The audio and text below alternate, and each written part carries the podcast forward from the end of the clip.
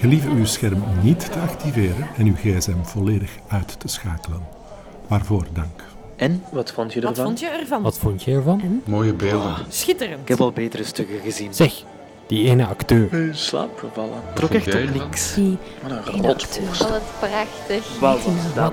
Een Ik heb er kakvoerster. mijn Wat was dat, twijfels zeg? over. Die was al sexy, hè? De theatereter. Dag beste luisteraar. Wat fijn dat u weer op play drukte en welkom bij onze vierde aflevering van onze podcast De Theatereter. U weet wel, die maandelijkse podcast waarin vier mensen van de zendelingen een gesprek voeren over twee interessante theatervoorstellingen die ze afgelopen maand in de theaterzalen zagen.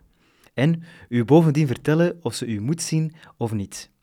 Deze maand gingen we naar Brussel, naar het kunstenfestival Des Arts en aanschouwden we Pleasant Island van Silke Huismans en Hannes de Rere, een productie van Campo, en ook het nieuwe werk van Sashli Golamalizat, de voorstelling Let Us Believe in the Beginning of the Cold Season, een productie van KVS. Net zoals in de vorige afleveringen nemen we ook opnieuw een kijkje in de coulissen van het theater en stellen we u aan iemand voor die u niet vaak ziet of hoort. Deze keer is dat Nick Kortekaas, een scenograaf, maar later meer daarover.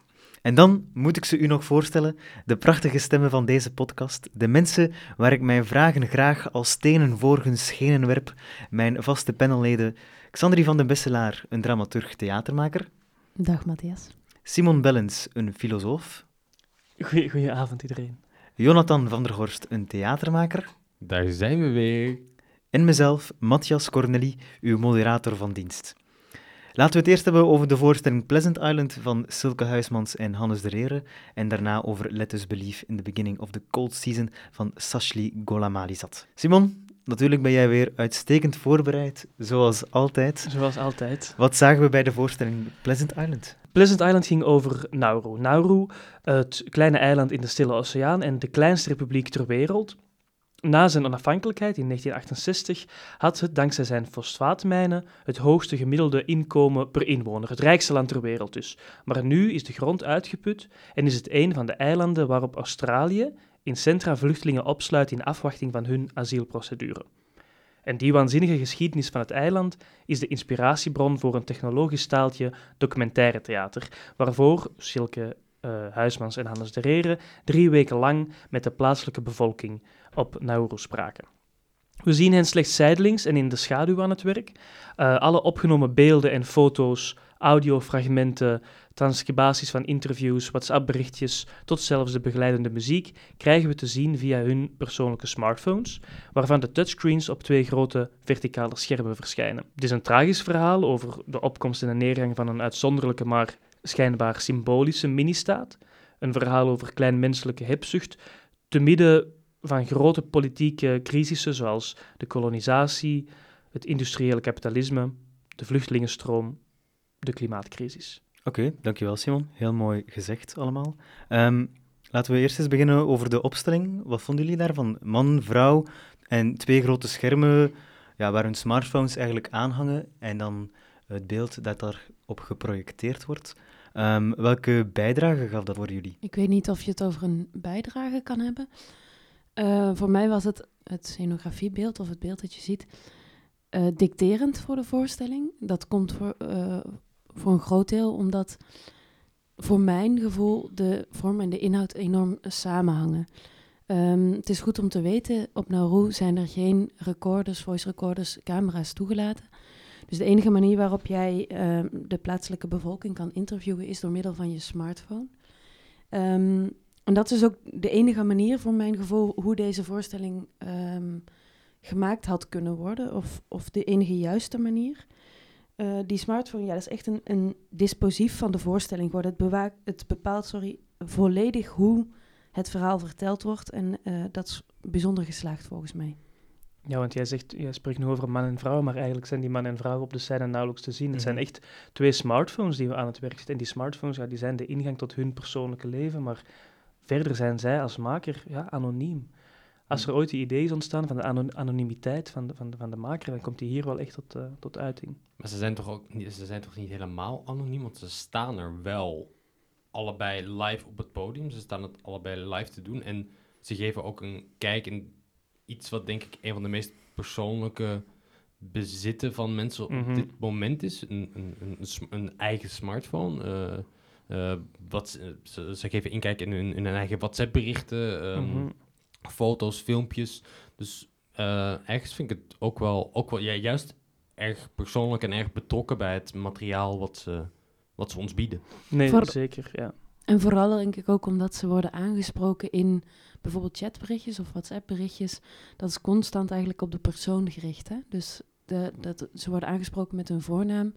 En dat voelt alsof je een hele intieme ehm, ehm, band met iemand eh gadeslaat. Aan Ja. de andere kant denk ik wel, eh, ze scrollen weliswaar door hun telefoon, eh, video's, apps, ze maken muziek.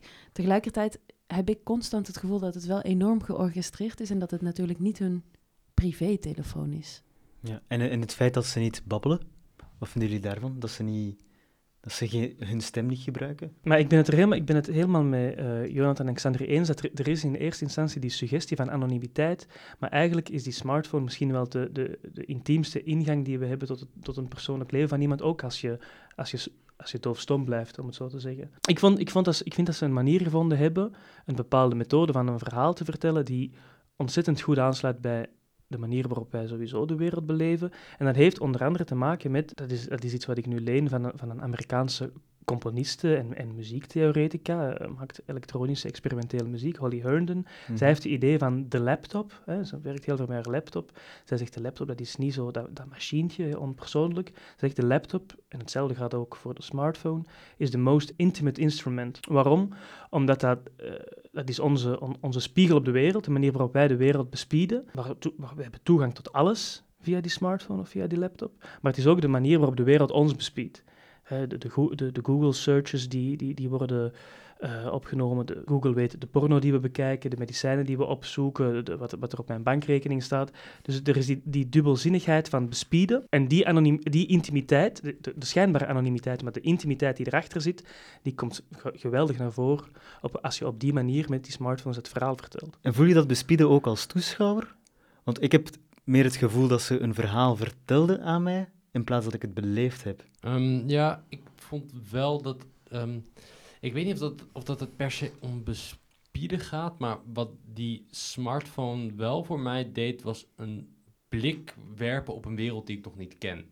En ik denk dat heel veel eh, eh, kennis en nieuws wat we tegenwoordig langs zien komen, dat dat via onze smartphone tot ons komt.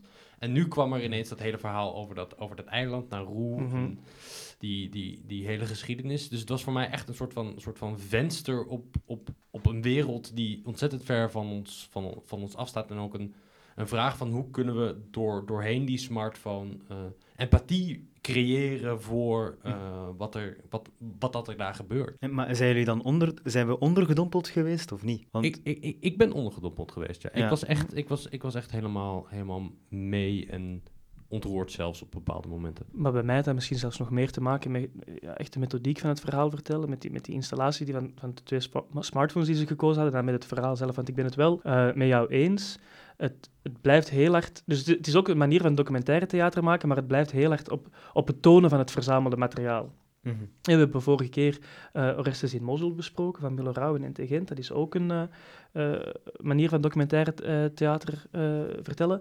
Maar daar staat de confrontatie centraal. Hè. Die, de- het verzamelde materiaal moet tot een confrontatie met ons als toeschouwer, maar ook onder de spelers zelf leiden, tussen de spelers in Irak, tussen de spelers in Gent. Hè. En hier blijft het wel heel erg op het niveau van het tonen van het verzamelde materiaal.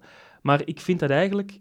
ik was zo gegrepen door hun vertelmethode, dat ik dat zelfs maar detailkritiek vind. Eh, ja, ja, ja, ik wou nog even inpikken op wat je zei over, over, over Milo Rauw en Orestes en Mozel. We hadden toen in die podcast ook even over het participatieve makerschap. Collectief auteurschap. Collectief ja. auteurschap, wat eh, Mi- Milo Rauw in zijn ehm, manifest van Gent aanhaalt. Zijn, zijn tien regels Mhm. voor, het, voor het nieuwe NT Gent. Ehm, en ik vond eigenlijk deze voorstelling... eh, ik vond hier meer collectief makerschap... In, in Pleasant Island vond ik meer collectief makerschap zitten dan in Orestes en Mosul.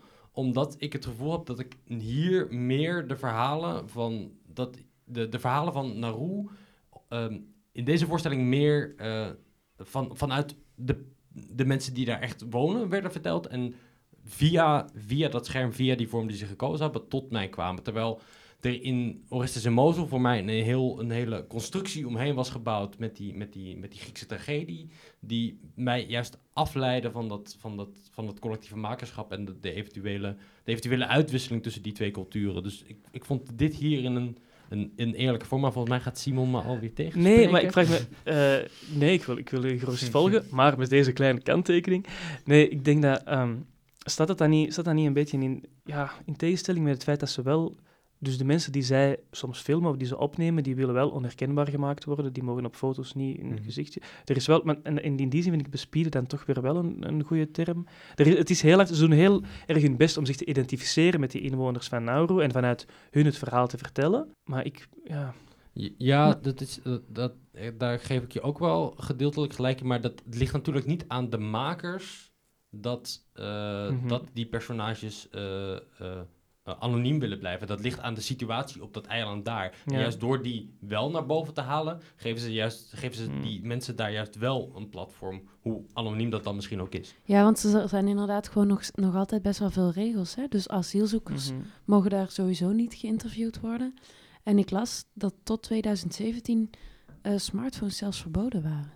Ja, inderdaad. Zeg, ehm, hoe staat deze voorstelling in het uiveren van de makers? Eh, ze hebben één, eh, de makers hebben samen één eh, eerdere voorstelling gemaakt. Mining Stories heette die. Ehm, en dat was een soort gelijke voorstelling. Die ging over het gebied waar Silke geboren was in Brazilië. Ehm, het binnenland van Brazilië waar heel veel mijnbouw is.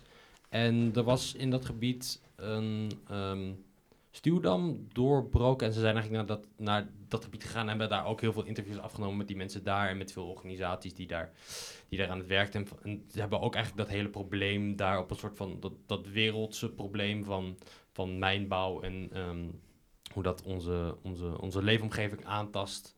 Eh, dus ook op zo'n soort van microschaal, daar een soort van micro ehm, gemeenschap voor gevonden en daar dat, dat, dat de grote wereldproblematiek opgeplakt Ja. zit. Willen ze iets maatschappelijks veranderen met deze voorstelling? En zo ja, wat dan wel? Ik weet niet of ze het willen veranderen, maar toch zeker willen aankaarten, denk ik. Ja, maar dat is wel, dat vind ik ook wel. Dat is tenminste iets wat ik, wat ik zelf ook nogal sterk vond. Het is wel ambiguurder dan een bepaalde. Mhm. Dus, dus de eiland zit op het middenpunt van al die geopolitieke crisis. Hè. Het is, je zou het ook kunnen, kunnen zien als een, als een eenduidig slachtoffer. Maar wat het, verhaal, wat, het, wat het verhaal van het eiland ook voortdrijft, is die kleine gemeenschap van om en bij de duizend mensen. Ik weet niet hoeveel er mensen dat er juist Ik wonen. weet dat het eiland zelf nog kleiner is dan Schiermonnikoog. Ja, die dus allemaal kunnen Hmm. delen in de welvaart die die fosfaatmijnen in eerste instantie creëren en zo. En het is ook die klein menselijke hebzucht die het eiland van, het e- van de ene naar de andere, crisis verder drijft. Dus het- het is ambiguur dan een bepaalde moraliteit of zo die, die eruit spreekt. En plus dat zij zich als makers daar ook nog eens eh, mede verantwoordelijk aan eh, maken. Bijvoorbeeld door die, door die telefoons die zij gebruiken. Daar zit eh, dat fosfaat in dat gewonnen wordt in Nauru. Dat, dat zie je op een gegeven moment in de voorstelling. Waardoor zij zi- zich op een bepaalde manier ook... Ja, nu niet meer, hè. het is helemaal leeg ontgonnen. Er schiet niks meer van over. Ja, maar dus, dus het is aan de ene kant de manier waarop eh, die plaatselijke bevolking contact kan hebben met de buitenwereld. Aan de andere kant is dat natuurlijk ook een, eh, ja, dat daar fosfaat in zit, is Ja, Nee, ja, echt, of dat ja, echt iets veranderen, weet ik inderdaad niet of dat ze dat beogen. Maar het gaat wel om, denk ik, wel om een bepaald inzicht creëren, een bepaalde empathie eh, creëren en medemenselijkheid, een soort van medemenselijkheid te, te, teweeg brengen of zo. En, en dat is natuurlijk ook iets wat, wat, wat die bedrijven en die politici die alleen maar op het geld uit zijn, heel vaak ook, ook, ook missen of zo. Of eh, die ja, want dat was toch wel... uit op, op een eigen gewin. jullie zijn wel allemaal heel positief, vind ik. Zijn er ook eh, puntjes die minder goed waren voor jullie? Ja, ik, ik, ik, ik, vond, het, ik, vond, het echt heel, ik vond het echt heel goed. Ehm, en ik, ik heb ook een aantal recensies gelezen en die waren allemaal minder positief. En ik was ook een Hmm. beetje verbaasd dat die... Dat En waarom waren ze dan minder positief? Dat je lag dat kort samenvatten? volgens mij met name aan, aan, die, aan die vorm en dat eh, ze vonden dat die vorm een beetje, dat het allemaal een beetje te veel op de oppervlakte bleef. Dat Mm. het te veel, ja, dat het alleen maar bij die documentaire blijft. Dat dat juist inderdaad, dat de stem van de makers of wat de makers dat nou echt mee teweeg wilden brengen, dat dat te weinig naar voren kwam. Maar ik vond juist die, die, die Ja. ambiguïteit en dat, dat complexe verhaal eh, helemaal krijgen, vond ik juist een heel mooie, mooie eh, bijdrage. Ik vond het, eh, net als Jonathan, ook een ongelooflijk eh goede voorstelling. Eraan toevoegend, volgens mij misten ze in de recensies ook een beetje humor, wat ik me iets van kan voorstellen. Ehm, maar juist om, om even nog over die afstand te spreken, eh, versus empathie. Ik vond het, wat ik zo fijn of zo mooi vond aan deze voorstelling, is dat het eh, is als een, als, een, als een puzzel en het Mhm. daarmee ook appelleert aan een soort van actief publiek, alleen een actieve houding in het publiek. Door, door de chats, gesprekken, door de video's, door de uh, muziekapps. Ehm, eh, moet het publiek ook daadwerkelijk zelf een, een verhaal construeren. En ik kan me voorstellen dat dat per persoon in het publiek misschien ook net in ehm, nadruk eh, ergens anders zal liggen.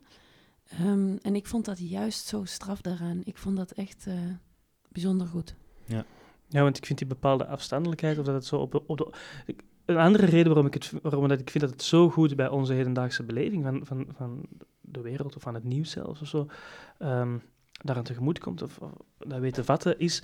Je hebt, je hebt in de filosofie wat, eh, de simulacrumtheorie, dat is van een Franse filosoof, Jean Baudrillard, en die zegt... ehm, de wereld waarin wij leven bestaat uit nabootsingen van nabootsingen, bepaalde imitaties, bepaalde beelden, bepaalde simulaties, die echter dan echt zijn. Waardoor, waar eigenlijk de referentie met de realiteit eh, niet meer van belang is. Bijvoorbeeld, eh, denk, denk, aan porno. Porno is in eerste instantie een, een, een nabootsing van, van de seks. Maar hoe beleven jonge mensen vandaag seks? Die, die, die bootsen de porno na. Dat is een nabootsing van de nabootsing en die wordt echter dan echt. Dat is wat hij de hyperrealiteit noemt. En die, die, die, dat is, alles speelt zich dus af op die oppervlakte, op die oppervlakte van het scherm. Dat, was, dat is een reden waarom ik, waarom ik het echt een hele goede keuze Mhm. vind om voor die schermen te kiezen. En wat daarachter zit, ook zo, wat, ja, wat is nu de bedoeling? Wat is de betekenis? Wat willen jullie, daarmee verwezenlijken? Die vragen doen er niet meer toe. Die zijn niet meer eh, interessant, want het is, het, onze hedendaagse beleving speelt zich af op die oppervlakte. Maar heb je dan niet het immersieve gemist? Nee, omdat ik het ook, van, ook vanuit conceptueel standpunt, eh, maar zeker ook hoe, hoe het uitgewerkt wordt en hoe, de- hoe het verhaal technisch samenvalt, gewoon zo, zo sterk vind om op die manier een verhaal te vertellen. Ja, Jonathan? Eh, wat vond jij er eigenlijk van, Matthias? Ik, ik heb het gevoel dat ik vooral, dat vooral alle info aan mij werd verteld, maar dat ik niet echt beleefde hoe dat was in Naru zelf.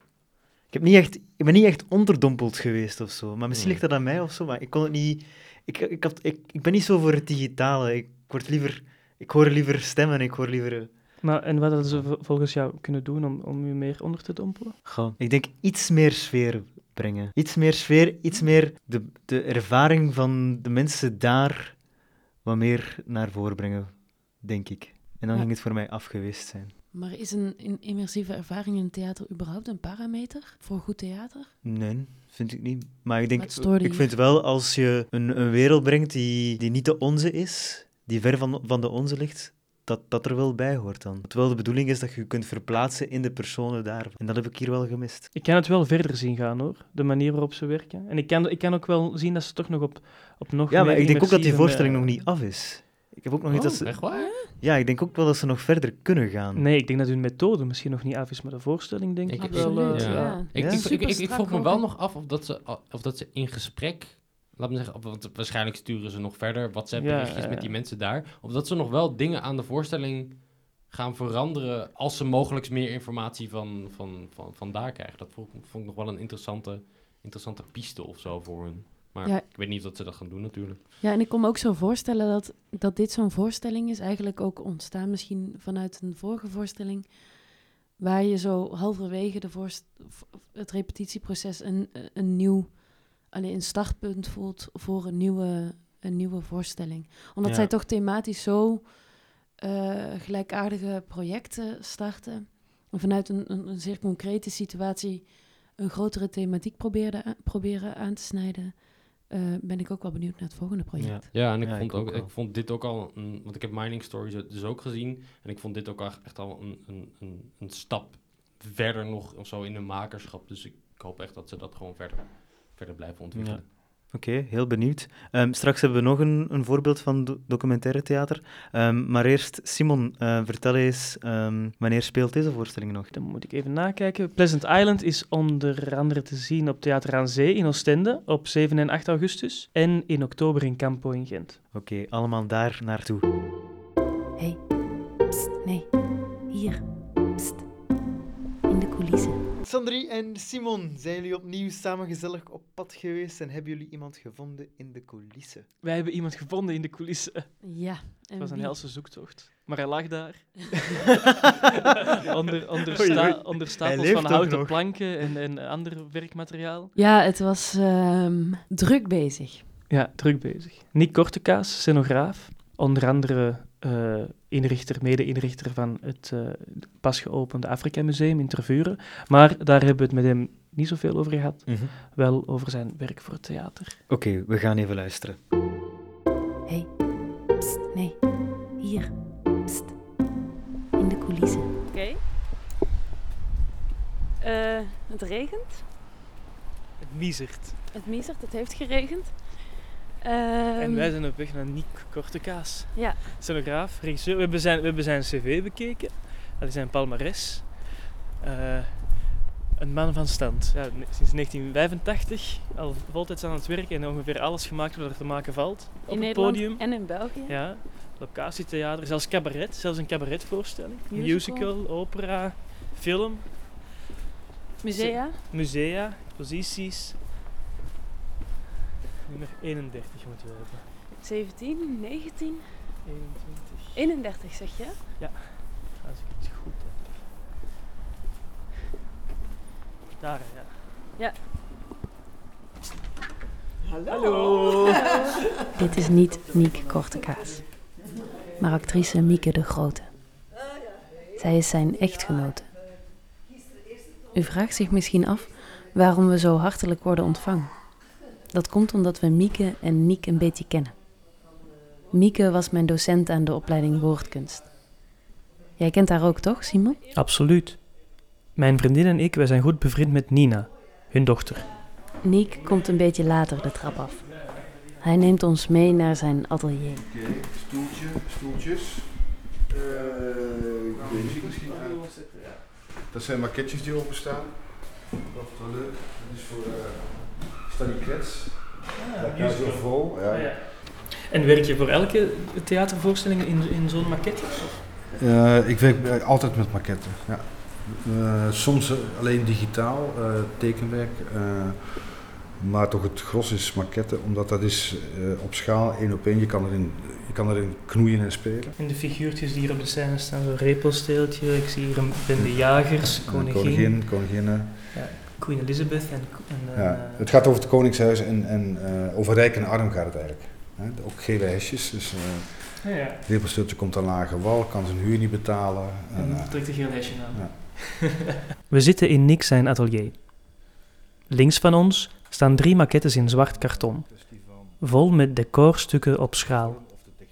Voor ons zijn drie grote computerschermen met verschillende grafische tekeningen en eindeloos veel mapjes. Het atelier van een scenograaf. Maar wat doet een scenograaf eigenlijk? Scenografie is letterlijk de ruimte betekenen. Dus iemand die eh, een ruimte eh, naar zijn hand kan zetten. Of daar een, eh, dat kan met licht zijn, dat kan met, met textiel zijn, dat kan met, met harde vormen zijn. Maar scenograaf betekent letterlijk de ruimte. Dus het is een, een, een, ja, een soort, soort eh, tekening, tekenaar. Op, Tekenaar. op de scène. Ja. Op de scène in 3D. ehm, En ook altijd weer in gesprek met mensen. Altijd, ja. ja, ja. Dat was voor mij ook de grote eh, eh, verandering van het atelier schilderen naar eh, met een groep mensen, met een dynamische groep werken en daar in dialoog mee gaan. En vanuit die dialoog eigenlijk jezelf ook verrijken. Dat is zeker, zeker iets. Eigenlijk een scenograaf kan bijna overal waar er beelden gecreëerd worden Ja. aan het werk gaan. Eh, dat is zo. Ja. En je kan natuurlijk kiezen voor een soort eh, eigen alfabet of een eigen, eh, hoe moet ik dat zeggen, stijl. Waarbij ik zoiets heb van, dat bestaat eigenlijk niet.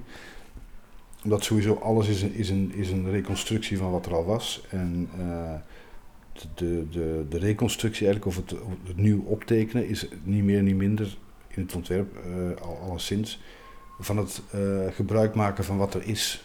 Dat vind ik een uh, heel belangrijk statement eigenlijk. En qua diversiteit of qua, moet ik zeggen, op, op heel veel terreinen kun je gewoon ontwerpen. Dus het heeft niks te maken met alleen maar opera doen of alleen maar ballet of alleen maar. voor mij zit dat gewoon overal. Dus het is van een keuken tot een, tot een, tot een huis, tot een, tot een schilderij, tot een tekening, tot grafiek. Tot... Zie je jou eigenlijk in de eerste plaats als scenograaf of als, of als regisseur? Uh, ik zie het als beeldenmaker. Mm -hmm. uh, opleiding is ook academie, schilderen, tekenen, ontwerpen. Uh, en ik ben heel toevallig in het, in het decorontwerp beland. En dan nieuwsgierig. Ik denk dat dat de meest belangrijke ding is voor een artiest of voor een vormgeving. Is nieuwsgierig zijn naar wat, wat kan en hoe zou, je, hoe zou jij het doen, hoe, hoe zie je het. En uh, dan is het eigenlijk een uh, kwestie van de, de, vorm of de techniek of de, de plaats maakt eigenlijk niet uit. Als je maar uh, ontwerpt, eigenlijk tekent. Maar wat, wat, wat, wat, wat zou een goed lichtontwerp of een goed decor of een goede scenografie moeten doen dan? Uh, ruimte bieden, letterlijk. Dus ruimte geven, ruimte, ruimte bieden door, door de manier van ontwerpen. Ruimte bieden aan? De uh, aan de performance en het publiek. Maar het is wel een hele ondersteunende rol aan het spel of aan wat er Ja, ja. Je mag niet de overhand nemen. Uh, nee, uh, want ik heb, ik heb ook helemaal niks aan. het decor is fantastisch, maar het stuk toch ook niks. Dat vind ik ook. ook dat is niet waar ik het voor doe. Je doet het om, om met, in een dynamiek met een groep, met een regisseur, spelers, tot iets te komen wat groter is dan, dan de aparte gehelen. En in hoeverre kun jij dat zelf kiezen? En zegt bijvoorbeeld niet de regisseur, nee vriend? Uh, ik ben nogal autonoom wat dat betreft. Uh, wat ook denk ik goed is. Want je bent geen behanger, dus je gaat niet... Uh, er komt niet iemand bij je toe en zegt ik wil dat en dat en dat hebben. Het is ook jouw vermogen of jouw rijkdom die je deelt of die je geeft aan, aan, aan de regisseur. die het ook anders kan doen uitdraaien, die andere, een andere richting geeft. Je hebt drie regisseurs die het exact weten, die het niet weten en regisseurs die twijfelen. als een regisseur echt pertinent zeker weet wat hij wil hebben, dan moet hij het zelf doen. En je, in die drieleding van, van regisseurs, want je bent natuurlijk ook zelf regisseur. Ja. Welk, wat voor een regisseur ben jij? Ben die het absoluut weet. het laatste grote project van Niek Kortekaas was het Afrika Museum oftewel het Koninklijk Museum voor Midden-Afrika in Tervuren. Daar heeft hij ruim tien jaar aan gewerkt.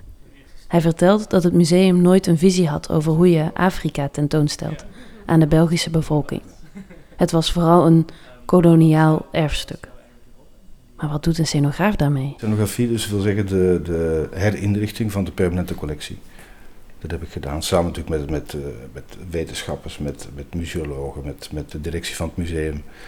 En ook met uh, Stefan Beeld, architect. Dus we hebben, ik zat eigenlijk als een soort uh, speelpunt in, in het reorganiseren van, van de vormgeving van de, van de binnenkant. Maar er is, er is wel best veel kritiek gekomen op die hele decolonisatie van het, van het Afrika Museum. Uh, ja, omdat het natuurlijk internationaal speelt om te beginnen. Mm -hmm. België is daar ook heel slecht mee omgegaan, zowel qua educatie op scholen je ziet hoe de schoolboeken of de, de, de verhalen over dat, dat, die voormalige kolonie, hoe dat eigenlijk toch uh, politiek gemanipuleerd is geweest, uh, heel lang.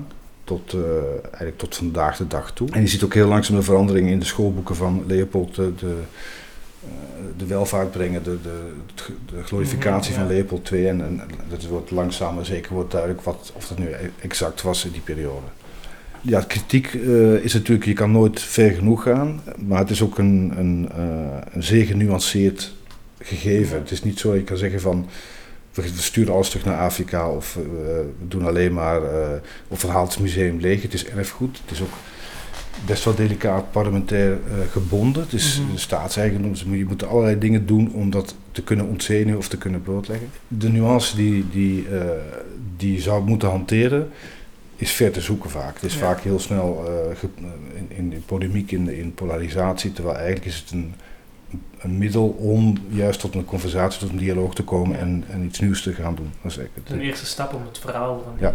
centraal te zetten. nou, het zijn er wel tien stappen nu, denk ik. We staan nu buiten. Eh, we hebben net eh Niek uh, gedag gezwaaid. Hij is nog een sigaretje aan het roken op het balkon van zijn atelier. Ja. Ehm, wat vond jij ervan, Simon?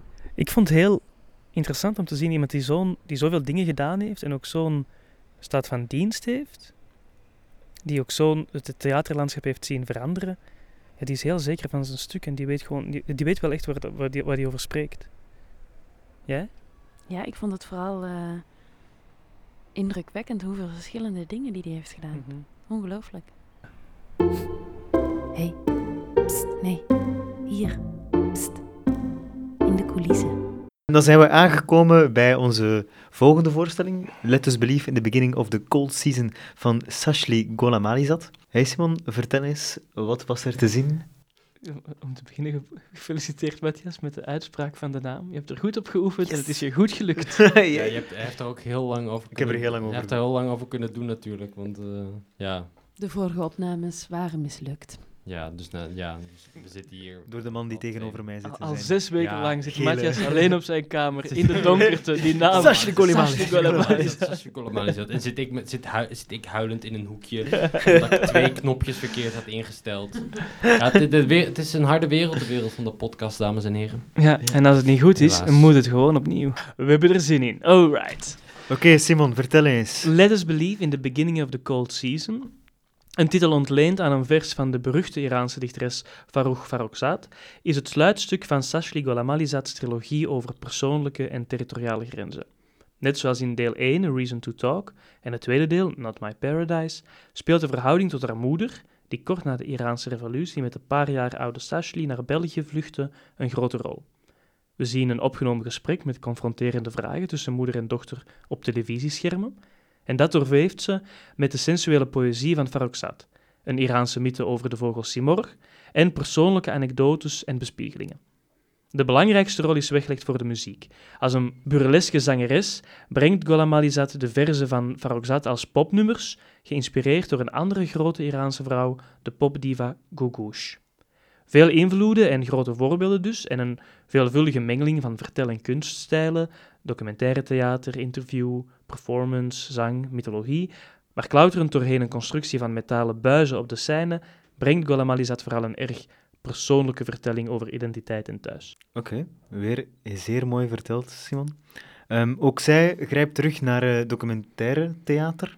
TV-schermen die interviews laten zien met haar moeder. Waar ligt voor jullie het grootste verschil tussen deze voorstelling en de voorstelling van Silke Huismans en Hannes de Rere? Ik denk dat het, ja, het be- belangrijkste verschil is dat dit inderdaad een zeer persoonlijk verhaal is. En dat, en dat het ook niet alleen documentaire gebruikt, maar dat ook vermengt met, met, met mythologie. En het is, het is een, dit is meer een hybride vorm, terwijl eh Silke Huismans en Rere, die houden zich echt wel aan strikte documentaire genre. Ja, precies. En ook deze voorstelling lijkt op een bepaalde manier te ontsnappen eh, aan de rationaliteit. Op welke manier? Door bijvoorbeeld voor, eh, mm, een beetje in de opeenstapeling, denk ik. In het erotische, in het onuitlegbare, in het feit dat het een vrij associatieve eh, voorstelling is. Een voorstelling waar ik het gevoel heb ook heel erg eh, een, een klein deel van het eh, repetitieproces erin te kunnen lezen. Er is geen sluitend verhaal wat er verteld wordt. Er is geen narratief van begin tot eind. Ja, wa- wat dan wel weer aansluit op, op de voor- voorstellingen van, van Silke en Hannes, omdat, dat, omdat je daarin Mhm. als publiek ook je eigen verhaal moet maken. En hier wordt eigenlijk ook gevraagd om zelf een, een rode lijn te zoeken. Maar Simon, jij wil iets zeggen? Ja, wat, wat- wat volgens mij ook wel een cruciaal verschil is, is dat... ehm, dus we hebben gezegd, bij Pleasant Island is er die, tenminste in eerste instantie, die suggestie van anonimiteit, die uiteindelijk een voorwendsel is voor de most eh, intimate instrument. Maar Sashli hier, en nog veel meer dan in die vorige twee delen van die trilogie, waar ze echt een interviewster of een documentairemaker of een ja, observator is, komt ze nu naar voren als verteller. En het is duidelijk een, een vertelling die haar heel erg persoonlijk aangaat en waar dat ze heel erg persoonlijk ja, in geïnvesteerd bij betrokken is. Ja, het rond eigenlijk met deze voorstelling een familietrilogie af. Hè? Hm. Dus de eerste voorstelling, het, ja. A Reason to Talk, daar interviewde ze haar moeder in. De tweede, Not My Paradise, Over- eh, daarin interviewt ze haar grootouders, ooms en tantes. En terugkerende eh, thematieken zijn toch wel het bevragen van concepten als een grens of de ander. Het zijn verhalen die een, een verleden en zeker ook een familiehistorie ehm, reconstrueren om tot een nieuw verhaal te komen of een ander verhaal te komen. En daarmee de confrontatie hè, met, met haar familie, met eh, twee werelden die elkaar ontmoeten in één persoon. En welke verhalen werden dan verteld? Ik bedoel, welk verhaal is u het meest bijgebleven als je moet kiezen? Deze voorstelling of die Uit vorige deze voorstelling. Ja. ja, er zitten zoveel verhalen in. Die ja, een van de scènes die mij eh, eh, eh, sterk is bijgebleven is een. eh, het, eh, is- ze beschrijft het tikkertje-spel. En hoe zij eigenlijk op een, eh, een dubbele manier niet mag meedoen. Ja, ze, ze spelen dat- tikkertje op de, op de lagere school of zo. En het is zo, de meisjes gaan zich allemaal verstoppen in de meisjestoiletten, want daar kunnen de jongens zijn niet tikken. Het is jongens tegen meisjes. Mhm. En Sashley wandelt vrolijk rond op de speelplaats en vraagt zich af waarom ze niet getikt wordt. En op dat moment beseft ze dat ze zowel niet gezien wordt als meisje en ook niet gezien wordt als een van hen. Dat er dan inderdaad die dubbele discriminatie is. En dat is ook een heel persoonlijke, een heel concrete vertelling, waar, waar, waar, waar de pijn die ze soms op veel abstractere manieren volgens mij uitdrukt, heel erg tastbaar wordt. Mhm. Ik ga even iets voorlezen uit het programmaboekje. Door oude narratieven te herschrijven wil ze kracht en ruimte heroveren om zo de eerste contouren van een nieuwe realiteit te schetsen. En ik heb het wel lastig met dat laatste. Ja, maar Matthias, dat zijn zo van die weken programmaboekzinnetjes. Wat, wat betekent dat? Ja, maar ik heb, het wel, ik heb niet echt het gevoel dat ik een nieuwe realiteit heb gezien. Ik heb, eer- Nou, ik heb eerder het gevoel dat ze een spiegel wou voorhouden. Nou, ge- eh, ge- geen nieuwe realiteit, maar ik vind wel dat ze tot. Ik heb wel het gevoel dat ze tot een soort. tot een vorm van. van en dat, dat die voorstelling daar ook ergens over gaat, dat, dat ze naar een vorm van zelfacceptatie zoekt. Mhm. En do- ja. doorheen al die pijn en doorheen al die. Dat, dat heeft in die vorige twee voorstellingen blijkbaar ook onderzocht. ehm, doorheen al, al, al, al die pijn en discriminatie, dat ze daar doorheen zoekt naar. naar Oké, maar hoe kan ik hier nog wel. Hoe kan ik hier, hoe kan ik hier wel in staan? En bijvoorbeeld een van die dingen die dat ook heel erg symboliseert in die voorstelling is. Ze vertelt een soort van fabel over. Over eh Seymour, dat is een oude Persische fabel over een, een groep vogels die, die op zoek gaat naar, naar bepaalde plekken, een soort, van pa- een soort van paradijselijke plek. En op een bepaald moment komen ze daar dan zogezegd aan. En dan zegt de, de oppervogel, de hop is dat denk ik, ja. die, Mhm. die, die zegt dan... eh, Kijk eens in het water. Kijk in het zo, water en, en dat is, dat is Seymour, dit is het paradijs. Dus uiteindelijk eh, moet je in jezelf op zoek gaan naar, naar, je- naar je eigen kracht of zo. En ik denk dat, dat de voorstelling daar ook heel erg over gaat en de, dat de, de, de, de, de, de zang daar ook heel erg ehm, Ja. aan bijdraagt. Dat vond ik dan wel, wel weer een, een verhaal van een moralisme. Dat Ja. voor mij niet echt niet bij. Ik heb me, weet je, ik heb me vaak afgevraagd nadien, en daar ben ik heel eerlijk en, en eh, eh, rechtuit in. Sorry, Sashley, want ik hou nog altijd van jou. Maar, eh, ehm, Is dit nu een liefdesverklaring? maar ik heb me heel erg afgevraagd hoe het komt dat een voorstelling met zoveel elementen die ik allemaal op zich echt geweldig vind. En ik ben heel erg dankbaar dat, dat ik via haar, dus die Farouk Farrokhzad, die, die dichteres, of die Gogosh, zelfs de muzikant, eh, de zangeres, heb leren kennen. Maar hoe het komt dat een, een, een voorstelling met zoveel verschillende geweldige elementen voor mij toch zo saai blijft. Ik, het, heeft mij, het heeft mij echt, echt niet weten, grij- weten grijpen. Mm. Ik, ik, vond, ik vond het op momenten echt het uitziet. En het, het, het geeft superveel materiaal om op een leuke manier over te spreken. Hè? Maar de voorstelling zelf heb ik wel echt moeten uitzitten. Nou ja, ik, ik, ik, ik denk dat die, dat die, dat die ehm, fragmentatie ook ergens, ook ergens dat, dat ze die ook tot een, haar eigen methode heeft gemaakt. En dat het haar daar ook ergens om te doen is om al die dingen naast, naast elkaar te laten bestaan. Ik vond het juist wel fijn dat, dat ik daar, daar mijn eigen weg in mocht zoeken en dat ik mee mocht denken met haar ook.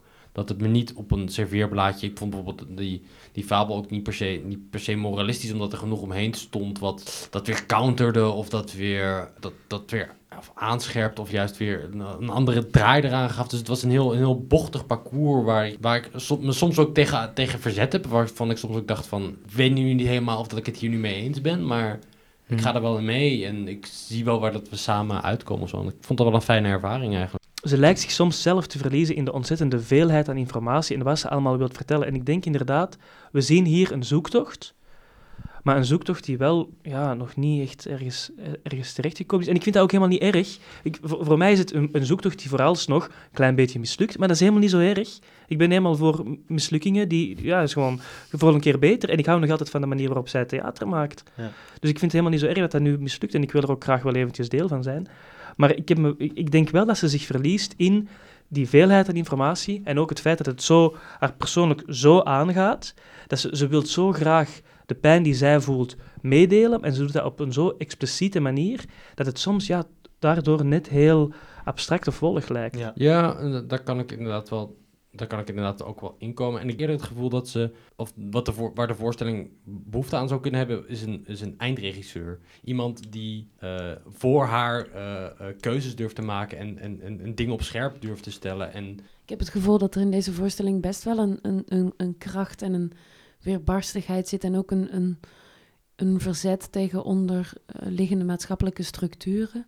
Maar dat het veel minder ehm, concreet is wat er, hier, wat er hier gebeurt. Ja. ja, en misschien wil ze zich ook minder, juist minder afzetten, maar wil ze juist meer ergens bij horen. Dus dan staat er op zich, dan staat er uiteindelijk al, al sowieso al mi- minder op scherp of zo.